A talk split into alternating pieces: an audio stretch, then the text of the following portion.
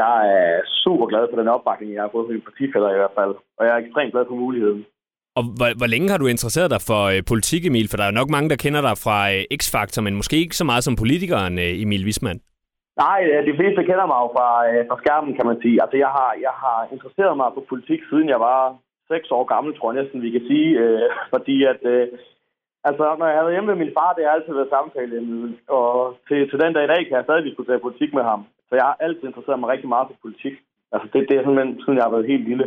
Og nu er jeg så, altså, er så bæret at få muligheden for rent faktisk at kunne, kunne bruge det som noget fornuftigt. Det er jeg rigtig glad for. Ja, for som spidskandidat, der er chancerne for en plads i byrådssalen jo ret, øh, ret gode, må man sige. Altså, hvad, hvad vil du gerne ind og arbejde med, hvis du sådan frit kan vælge? Jamen altså, man kan sige, altså mine mærkesager, det er jo, at og nu, nu er det jo ikke for hele tiden at snakke om X-Factor, for jeg synes faktisk ikke, det er det, det skal handle om. Øhm, men, men, men pointen var, da jeg var på skærmen, der var jeg altid mig selv. Og, øh, og det vil jeg op af i politik. Noget af det vigtigste for mig, det er, at man er ærlig som politiker. Jeg er træt af, at folk snakker udenom hele tiden, og og jeg, jeg, jeg, jeg siger det som det er, og jeg kan så godt finde på at bande også. Øhm, altså sådan er jeg. Øhm, men noget af det, som jeg rigtig gerne vil arbejde for, øh, nu helt ærligt, jeg synes faktisk, at Sønderborg Kommune, den, altså der, tingene kører ikke dårligt som sådan jo. Øh, noget af det vigtigste for mig, det er at komme ind og være en, en, en form for vagthund. Jeg synes, det er vigtigt, når vi tager beslutninger, at vi skal lytte til fagfolkene, og vi skal tage hensyn til de folk, der beslutningen vedrører.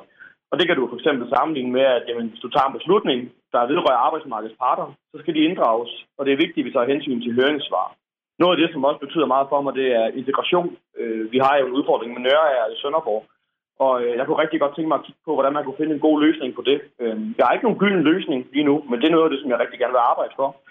Og så synes jeg, det er vigtigt, at vi bliver ved med at bibeholde Sønderborg som en, en attraktiv by for unge studerende at være i, øh, og kvaliteten af vores uddannelser den ligger højt, både på trivselsområdet, kan man sige, men også på det faglige område. Og Emil, du nævner jo selv X-Factor også, øh, og det program har jo gjort dig ganske populær også øh, lokalt i, i Sønderborg Kommune. Er det noget, du kan bruge til noget, det der med, at folk kender dig i forvejen og, og måske har et, et forhold til dig? Altså man kan sige, det vil sgu da være dumt ikke at, at, at, bruge det, kan man sige. Men forstå mig, ret, øh, forstå mig nu ret. Øh, nej, jeg har ikke tænkt mig at stå og snakke om at synge, og, om at, at være på skærmen og sådan noget, for det er slet ikke det, det handler om for mig.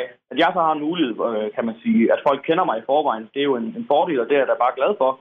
Øh, at jeg så kan vælge at bruge min stemme på noget fornuftigt.